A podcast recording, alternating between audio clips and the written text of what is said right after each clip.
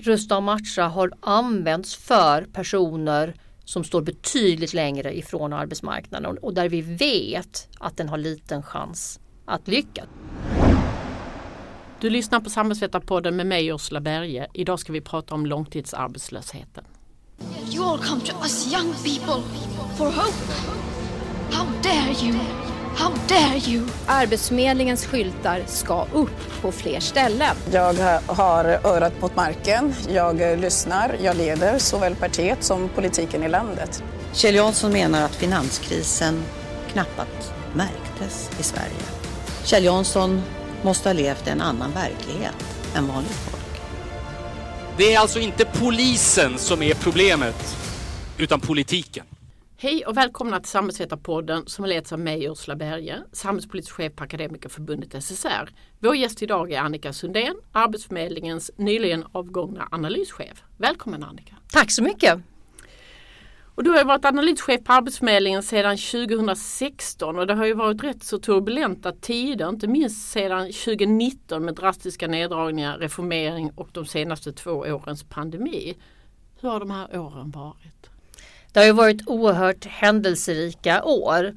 Både, både på arbetsmarknaden där vi före pandemin hade en väldigt bra arbetsmarknad med stark efterfrågan. Men samtidigt hade en stor grupp av personer som stod långt ifrån arbetsmarknaden och var långtidsarbetslösa. Till då pandemin när, när verkligen botten gick ur arbetsmarknaden inledningsvis men sen då har återhämtat sig. Och parallellt med det eh, diskussionen kring Arbetsförmedlingen och hur Arbetsförmedlingen ska vara organiserad och hur vi ska, eller hur Arbetsförmedlingen ska arbeta och, och den politik som har funnits i det. Så det är klart att det har varit oerhört händelserikt och väldigt lärorikt och för mig har det känts meningsfullt och viktigt att få ha varit med och, och jobba i, i det här. Mm. Det känns som att du har stresstestats på det mesta. Ja, det skulle jag säga. Eh, både och framförallt kanske då under pandemin där vi snabbt fick ställa om för att dels förstå vad som hände på arbetsmarknaden och då fick vi de första signalerna till Arbetsförmedlingen eftersom företag anmäler varsel till Arbetsförmedlingen. Men också då att försöka förstå vad som hände och sen också förklara och ge underlag till, till politiken och till andra för att förstå vad som händer på arbetsmarknaden. Mm. Och vad kommer du att bära med dig? Vad kommer du säga om tio år att den här perioden präglades av? Jag skulle nog säga att det präglas av, av om man tittar på arbetsmarknaden, av, av en tudelning. Att vi har en stark ekonomi, stark arbetskraft och de som har utbildning har haft eh, relativt lätt att hitta jobb och byta jobb. Men att vi har en stor grupp av personer som står långt ifrån och som har väldigt svårt att komma in på, på arbetsmarknaden. I huvudsak för att man saknar de kompetenser som, som arbetsgivare efterfrågar och den utbildning som arbetsgivare efterfrågar. Mm. Och vi kommer in på det. Du avgick nyligen på grund av Arbetsförmedlingens sätt att hantera långtidsarbetslösheten. Och i Arbetsförmedlingens förordning står det att man ska citat prioritera de som står långt från arbetsmarknaden. Slutcitat. På vilket sätt tycker du att förutsättningarna för det har förändrats? Ja, men om vi först bara tittar på hur, hur långtidsarbetslösheten ser ut så hade vi ju redan före pandemin cirka 150 000 personer drygt som var långtidsarbetslösa. I huvudsak personer som med utländsk bakgrund eller som saknar gymnasieutbildning. Ehm, och, och, personer som behöver en kombination, många insatser. Det är inte en insats som kommer att göra att den här personerna kommer tillbaka till, till, till arbetsmarknaden. Sen under pandemin och efter pandemin så har den här gruppen växt. Och nu är det alltså 180 000 personer som är långtidsarbetslösa. Eh, och ännu mer bekymmersamt är att den här gruppen har också varit långtidsarbetslösa längre. De som är, har varit borta från arbetsmarknaden två år och mer har ökat och är mer än hälften av den här gruppen. Eh, och då tycker jag det är viktigt att, att Arbetsförmedlingen arbetar med den här gruppen på, med de arbetssätt och de metoder som vi vet funkar. För vi vet ganska mycket från egen erfarenhet och från forskning och från de projekt och försök som vi har gjort på, på, på Arbetsförmedlingen vad som funkar för den här gruppen. Eh, och, och, det är där jag tycker att Arbetsförmedlingen hade önskat att Arbetsförmedlingen hade gjort mer. Mm. Jag tänkte vi skulle komma in på det, vad, som, vad, vad, vad du vet och vad forskningen vet som funkar och inte funkar. Men eh, eh, i samband med att du avgick så sa generaldirektör Maria Mindhammar att, att ja, men ni, hon höll med på en hel del sätt men hon sa att jo men vi är 3000 personer färre på Arbetsförmedlingen och det påverkar vad vi kan göra. Vad var ditt svar på det? Arbetsförmedlingen är ju, har ju ett stort uppdrag och ett komplext uppdrag. Eh, och det är klart att det är en, är en myndighet som hela tiden behöver prioritera och fundera på hur, hur myndigheten använder sina resurser på allra bästa sätt. Eh, och, och, det är därför jag tycker det är så viktigt att vi verkligen funderar på gör då prioriteringarna som vänder sig mot de långtidsarbetslösa med de metoder då, då vi vet funkar. Och jag tror att det är möjligt. Vi är fortfarande en väldigt stor myndighet.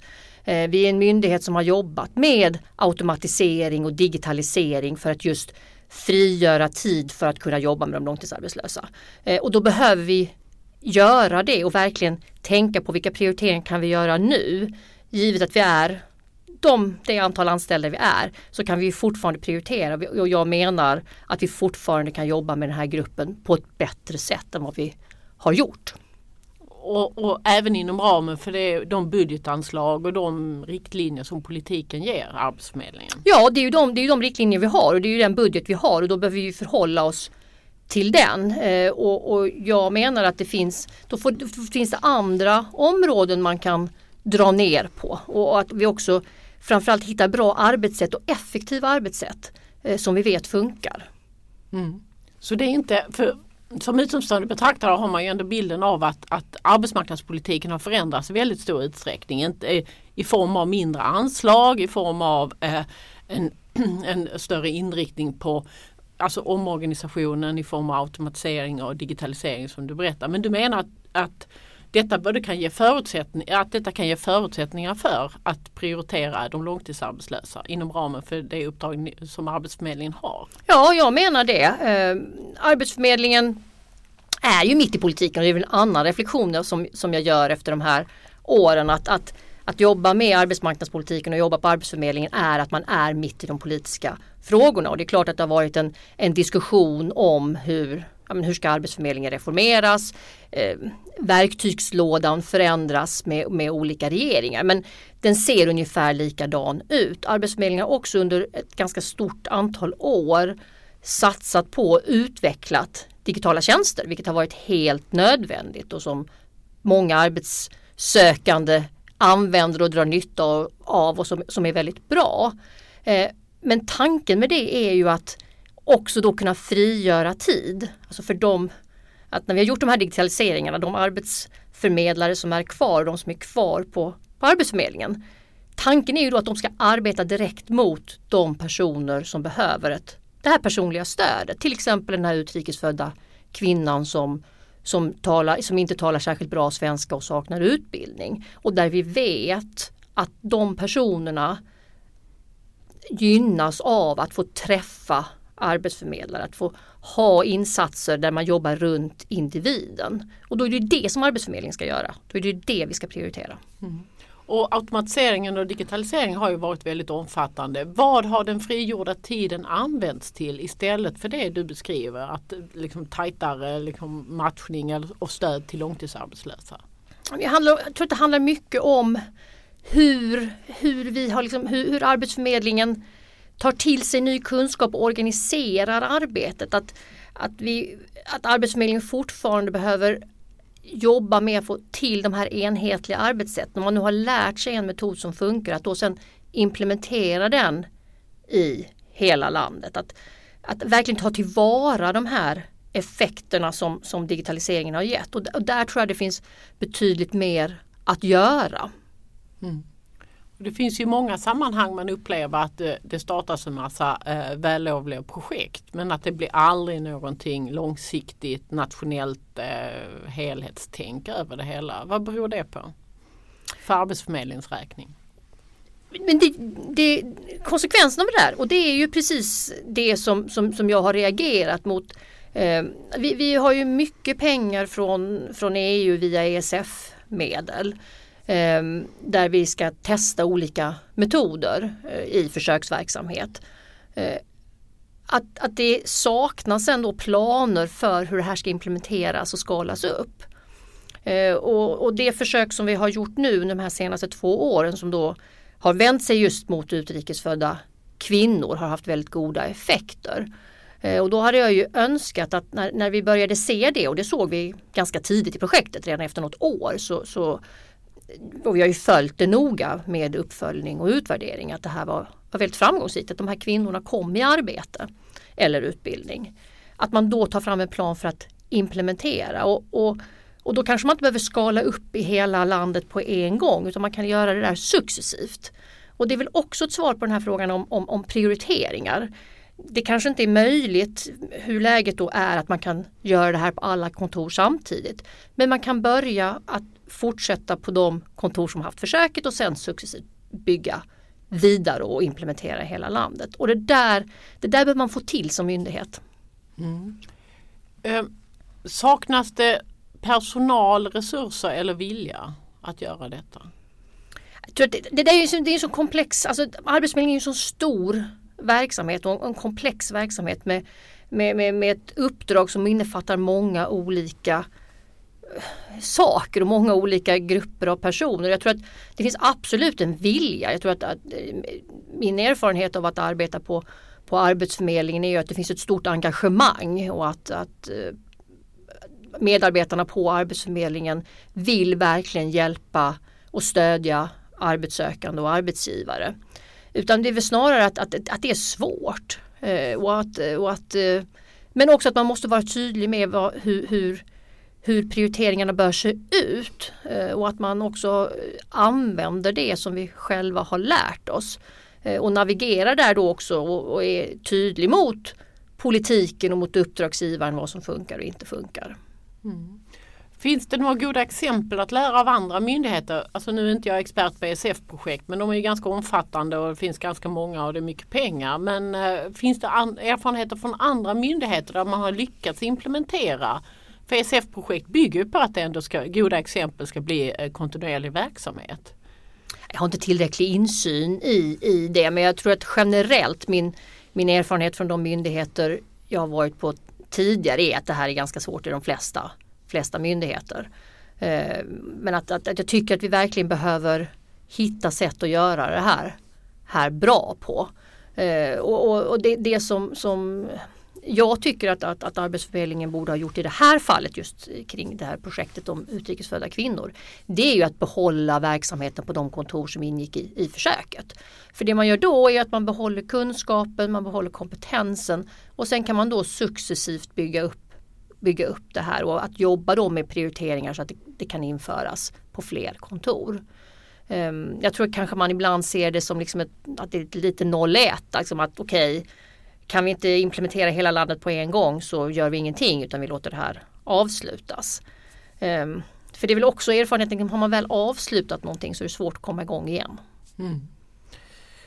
Um, jag tänkte att just det här med att låta alltså, långtidsarbetslösheten, jag tror eh, kanske att många tänker att, att arbetslösheten går upp och ner och det var pandemi, det gick det upp och, och, och sen går det ner. Och man tänker inte riktigt på att äh, den här strukturella förändringen som har skett. Att, att det, blir, äh, det blir så mycket större andel av långtidsarbetslösa. Och precis som du sa, ungefär hälften av alla arbetslösa är långtidsarbetslösa. Och av dem, eh, av de långtidsarbetslösa är hälften av varit arbetslösa mer än två år. Det är ju liksom monumentalt stora siffror som vi talar om i jämförelse med tidigare.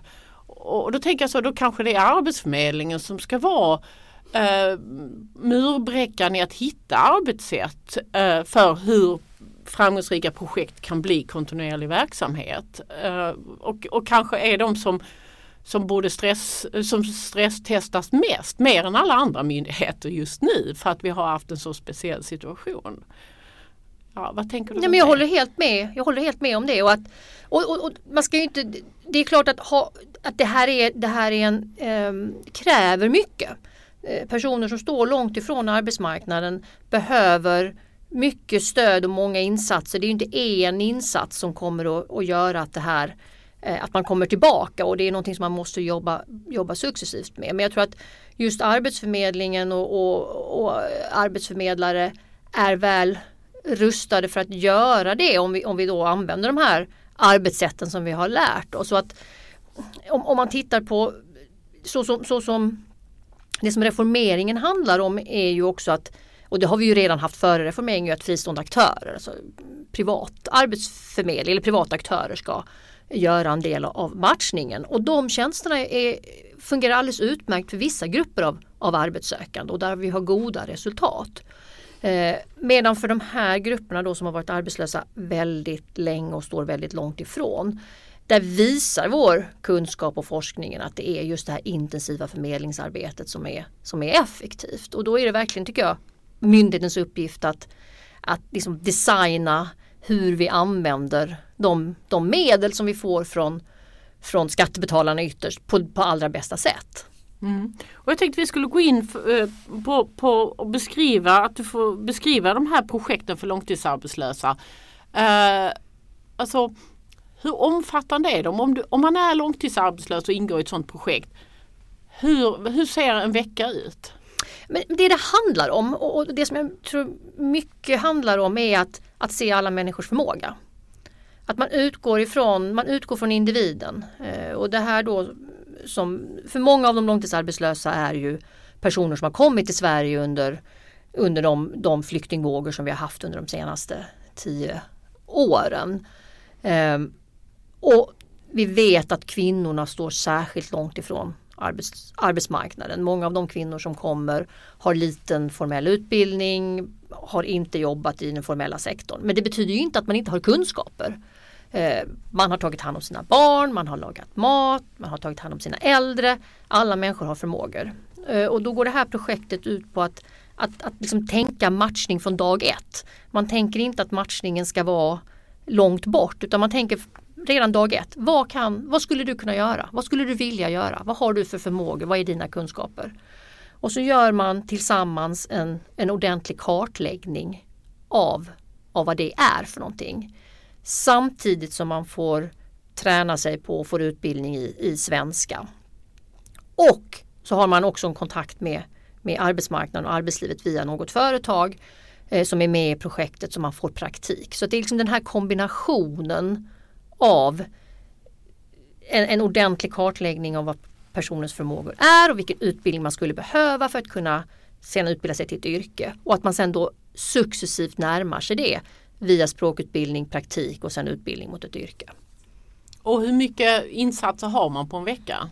Alltså är det 40 timmar, är det 20 timmar, är det en timme? Det, är nog, det, det har inte den exakta, den exakta siffran men, men det här är ett intensivt arbete och det är framförallt ett, ett intensivt arbete att det tar Det är mycket personal från, från, från Arbetsförmedlingen som, eh, som, som är med och det är där då den här diskussionen kommer att det kräver mycket, mycket personal för att arbeta på det här sättet. Men samtidigt när vi tittar på våra, på våra utvärderingar så är det ju kostnadseffektivt för att de här kvinnorna kommer i utbildning eller kommer till arbete så att det där, det där tjänar ju in sig. Och då, och då i slutändan så kostar en sån här insats inte mer än någon, någon annan insats. Det är ju förödande att vara i en insats som vi vet har liten chans att lyckas. Då låser man ju bara in personer i, i någonting som inte leder någonstans. Mm.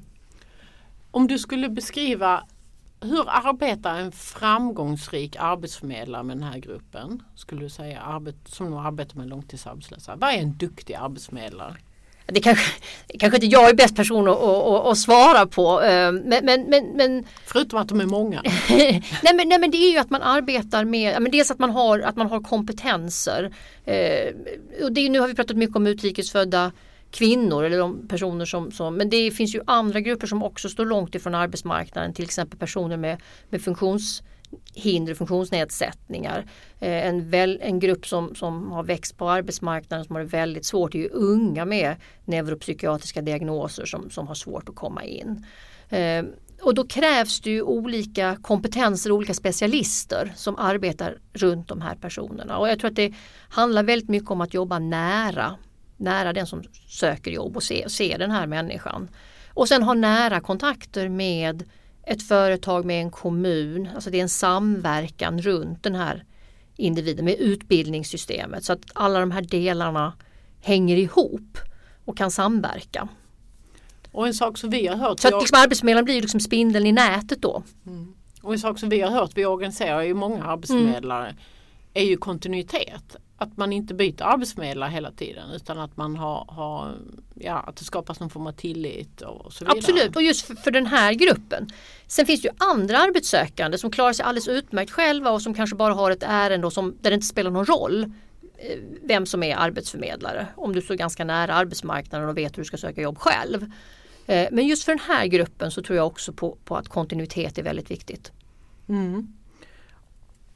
Om du skulle Eh, en väldigt stor reform inom eh, Arbetsförmedlingens reformering är ju den här införandet av matchningstjänster och, och den här det fanns något som heter stöd och matchning som byttes till, till eh, kundval rusta och matcha som är en, eh, liksom att man så att säga, inom ramen för lagen om valfrihetssystem har fristående leverantörer av matchningstjänster.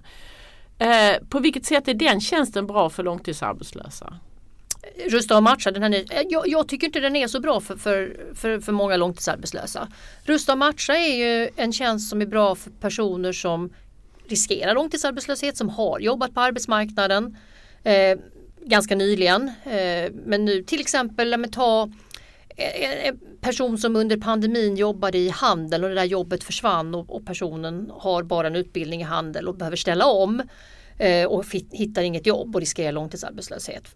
För en sån person så, så skulle Rusta och matcha fungera alldeles utmärkt och det ser vi ju också. Och även för en person som kanske har precis blivit långtidsarbetslös, inte har så, så lång tid och liksom ändå en relativt nära kontakt med, med arbetsmarknaden. Eh, för den tjänsten är i huvudsak, ja, men det är en, det, den har inte så mycket rustande inslag i sig som det den här gruppen kräver. Så personer som är riktigt långt ifrån arbetsmarknaden som kräver det här väldigt nära stödet och där det är många olika insatser samtidigt och mycket olika samarbeten och samverkan med andra aktörer, med företag, med utbildningssystemet. Där fungerar inte rusta och matcha eh, och inte avsedd att göra det heller. Eh, utan då är det de här andra, andra metoderna man ska, ska använda. Så det som, som, jag, som jag tycker är viktigt är ju att vi det, det finns ju en stor verktygslåda av olika insatser som Arbetsförmedlingen då har sitt, till sitt förfogande. Och att vi verkligen använder dem på det sätt som vi vet funkar bäst. Alltså, det låter lite så här enkelt när man säger liksom rätt insats till rätt person. Men det är verkligen det, rätt insats till rätt person. Och att, då, att inte då använda de här fristående aktörerna eller de här tjänsterna så som de är utformade mot grupper eller till grupper där vi vet att de har väldigt liten chans att lyckas. Man slås lite av när du säger att det här rusta och matcha, där det inte finns så mycket rustning i rusta och matcha så blir man ju lite perplex. Med att det till och med heter så. Ja, nej men Rusta och matcha bygger ju på, på, på den här tidigare tjänsten Stöd och matcha och den Rusta och matcha har ju då tagits fram för att implementera reformen och sen ska ju de här olika tjänsterna som fristående aktörer tillhandahålla utvecklas. Men, men det som, som är min slutsats från, från de uppföljningar vi har gjort är att det är väldigt svårt att utforma tjänster och upphandla tjänster för den här gruppen som står väldigt långt ifrån arbetsmarknaden. Att där fungerar det bättre att ge i egen regi.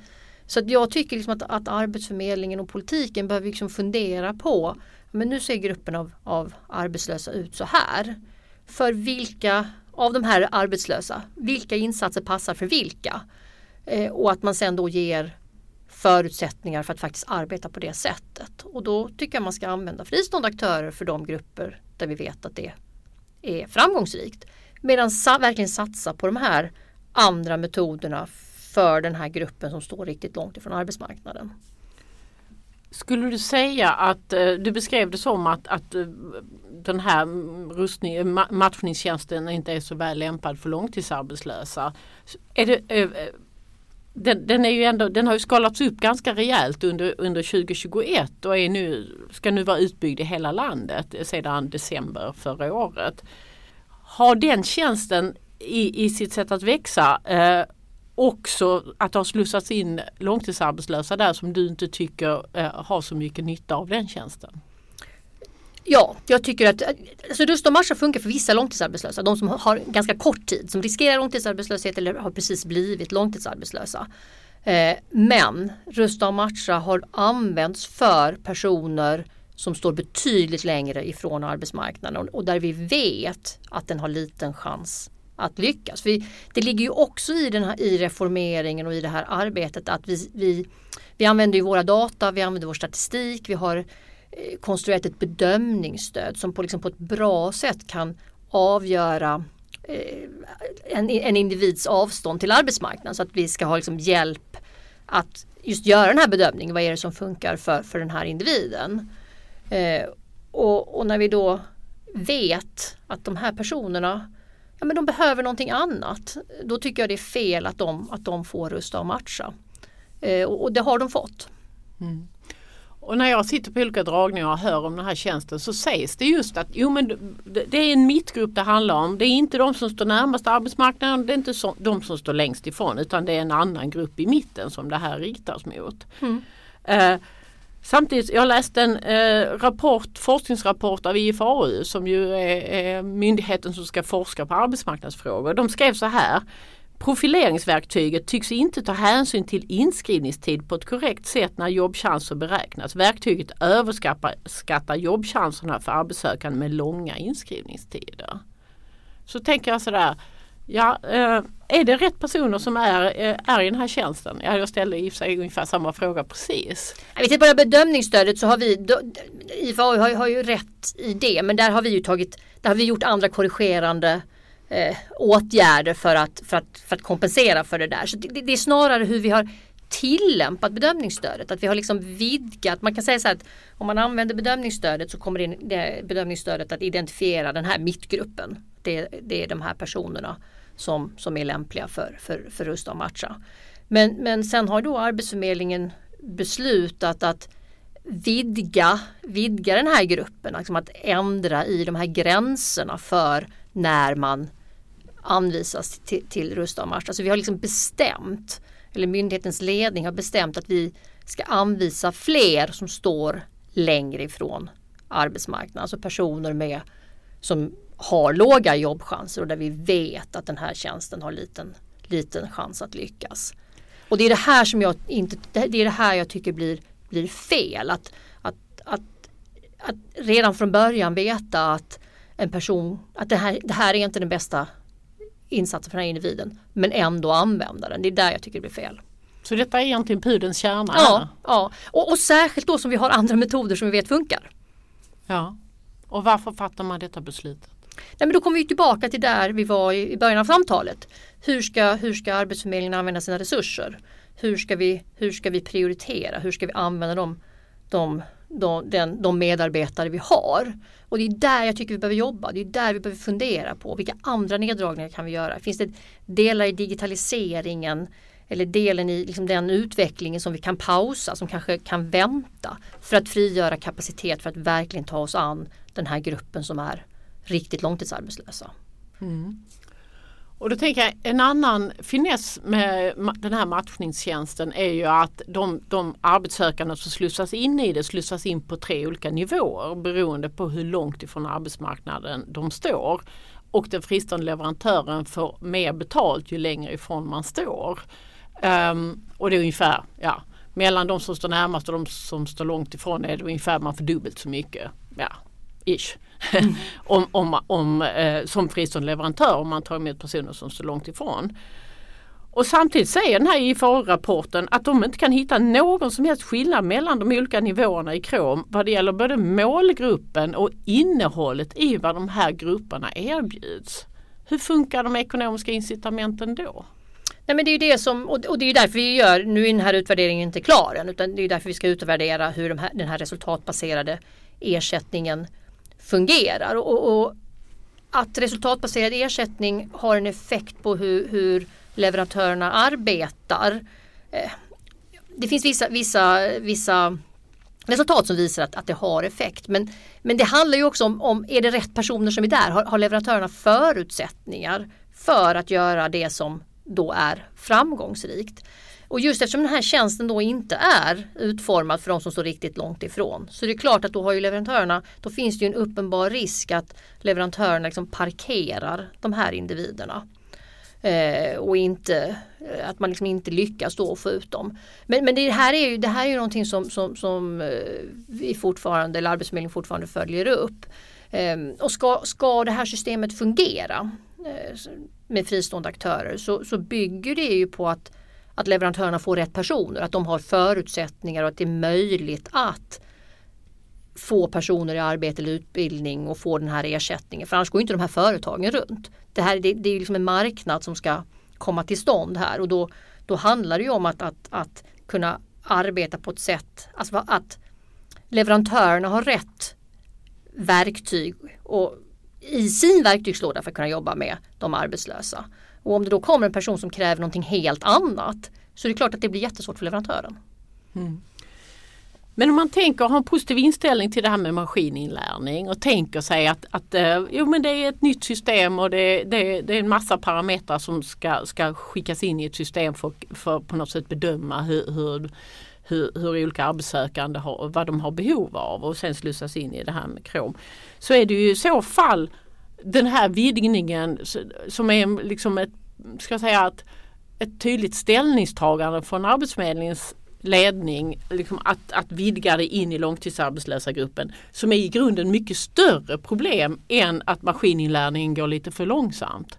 Alltså maskininlärning och det här det visar våra, våra uppföljningar och utvärderingar att, att det är ett bra system och att, vi, och att, att, att arbeta på det sättet ger träffsäkra bedömningar. Men sen handlar det ju om hur man använder de här bedömningarna. Eh, och, och, det är ju där att man sen då gör avsteg från det och, och har vidgat den här gruppen till en grupp som ligger utanför eh, de som har, drar mest nytta av de här eh, tjänsterna. Så det handlar inte om, om, det handlar inte om bedömningsstöd eller maskininlärning för den, den gör ju det den ska. Och rimligtvis blir den bättre och bättre. Ja, rimligtvis blir den bättre och, och den blir bättre och bättre. Och, och där, där finns det ju mycket, Eh, mycket uppföljning och även från andra områden som visar att, att, att maskiner är ganska bra på det där. Eh, sen är människan bra på massa andra saker och människan kan observera då att, att det kanske finns någonting annat hos den här personen som inte bedömningsstödet har fångat upp och då kan man korrigera det. Eh, men, men det är inte det det handlar om här utan det handlar om liksom vilken grupp vi har bestämt ska vara i den här tjänsten. Mm. Och för en vanlig dödlig, hur ska man förstå den här vidgningen? Alltså kan man Ja, vi har gått från personer som har si och så lång arbetslöshet till si och så eller funktionsnedsättning si och så. Hur, hur har man, liksom, om du skulle beskriva den här gruppen som nu ytterligare ska ingå i KROM och inte få andra mer eh, riktade eh, insatser till långtidsarbetslösa. Hur, skulle, hur kan vi vanliga dödliga förstå vilken grupp detta är? Om man tittar på den här mellangruppen som vi pratar om som vi vet den här tjänsten fungerar ganska bra för. Så skulle man säga att det är personer som varit arbetslösa kanske 7-8 månader till 15-16 månader och sådär. Nu har vi gått och tagit in personer som varit arbetslösa mer än två år, som varit arbetslösa tre och fyra år. Eh, och de arbetslösa har små förutsättningar att ta till sig den här tjänsten. De behöver någonting annat. Ehm, så, så det är verkligen personer som, som har varit borta från arbetsmarknaden i väldigt många år. Mm. För, eh, vi ska gå vidare på, på vad forskningen säger om vad som funkar och inte. Men jag tänkte säga, jag, jag läste också i det här i FAO-rapporten som jag uppenbarligen har läst både fram och tillbaka.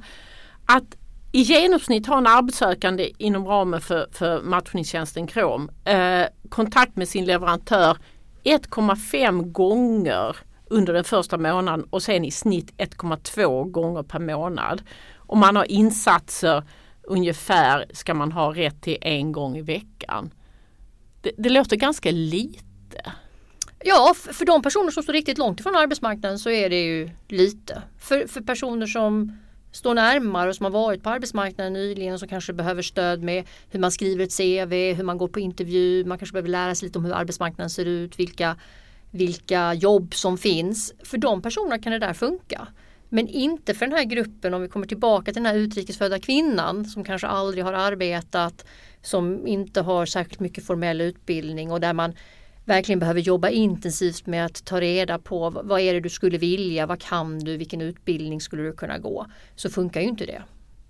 Och vad är det då som funkar? Vad säger forskningen? Vad säger ja, for, forskningen säger, om du skulle fråga IFAU eh, eh, så skulle de säga att Eh, och det visar ju också annan, an, andra sådana här ESF-projekt som vi har gjort. Det är de här intensiva förmedlingsinsatserna. Det är just det här som vi har pratat om nu eh, under den här stunden. Att, att jobba nära in, individen, att, att, jobba med plats, att tala om det, det finns de här jobben att söka, du behöver göra det här, det finns den här utbildningen, kartläggningen av, av, av kompetenser. Eh, det behövs och sen vet vi att subventionerade anställningar är, är, en viktig del i den här, i den här kedjan. Så att få hjälp och stöd med, med att veta vilken, vilka jobb som finns, vilken utbildning man behöver för de jobben, att få den här utbildningen och sen komma in på arbetsmarknaden med en subventionerad anställning. Kanske först en praktik, sen en subventionerad anställning och sen kan man, finns det olika grader av subvention i de här subventionerade anställningarna. Så att man liksom successivt kommer närmare och närmare för att sen kunna ta ett osubventionerat arbete. Och det här är ju ganska långa processer. Jag kommer tillbaka till det, alltså det är ju svår, det är svårt, det tar ju tid eh, att jobba med det här. Eh, men vi vet att om man gör så där så, kommer det, så har, det, har det effekt. Mm.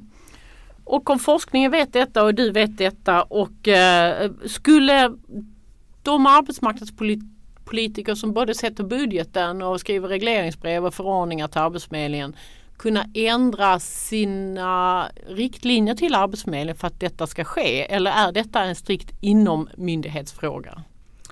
Så tittar man på det regleringsbrev som, som, som Arbetsförmedlingen har fått nu för, för 2022 och om man lyssnar på arbetsmarknadsministern så tycker jag ändå att det är tydligt att Arbetsförmedlingen ska vara en stor och viktig myndighet som jobbar med tjänster i egen regi. Så jag tror att mycket kan myndigheten göra själv. Men det kräver ju också att politiken verkligen då tänker på hur, hur stora ska de här, hur, hur många kan de här matchningstjänsterna vara? Hur stor är den gruppen ungefär? Så att jag tror att det är både politiken som behöver, behöver liksom utifrån hur de arbetslösa ser ut fundera på, ja men så här ser en rimlig fördelning ut mellan de här olika arbetsmarknadspolitiska insatserna. Och att Arbetsförmedlingen behöver arbeta med hur vi, eller hur Arbetsförmedlingen eh, organisation och hur vi arbetar med de här med, med insatserna helt enkelt. Så det är både och skulle jag säga. Vad tror du om långtidsarbetslösheten avslutningsvis? Eh, vad kommer att hända framöver? Jag tycker det är väldigt bekymmersamt. Eh, nu har ju, och det är när man lyssnar på eh, när, när vi pratar om arbetsmarknaden så är det ju många som, ja men nu är arbetslösheten tillbaka på nivåer som före pandemin, det går som tåget på arbetsmarknaden. Och det är sant och det är sant för vissa grupper men vi får inte glömma bort att det är en grupp och att den är betydligt större som är långtidsarbetslösa och har fått längre tider. Eh, och att en, en, klar risk är att de här personerna, att den, att den biter sig fast på den här högre nivån. Och det är en oerhörd förlust, framförallt för de här individerna men också för samhället. Eh, att vara arbetslös är någonting som vi vet har väldigt mycket negativa konsekvenser för, för, en, för en människa och hennes, hennes familj och eh, för, för samhället i stort.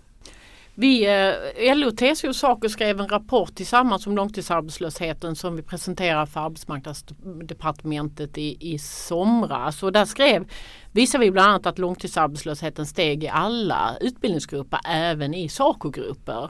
Och det var ett förslag vi tyckte att man skulle kunna höja taket i, eh, alltså att många akademiker som blir arbetslösa har ju högre lönenivåer och att då ta en subventionerad anställning som max kan ge 20 000 i månaden kan vara ett väldigt stort tapp för, för de här grupperna.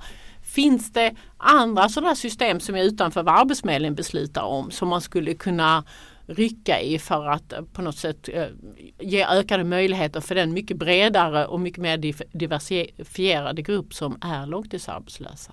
Det tror jag absolut. Nu har vi ju pratat om eh, mycket om, om långtidsarbetslösheten.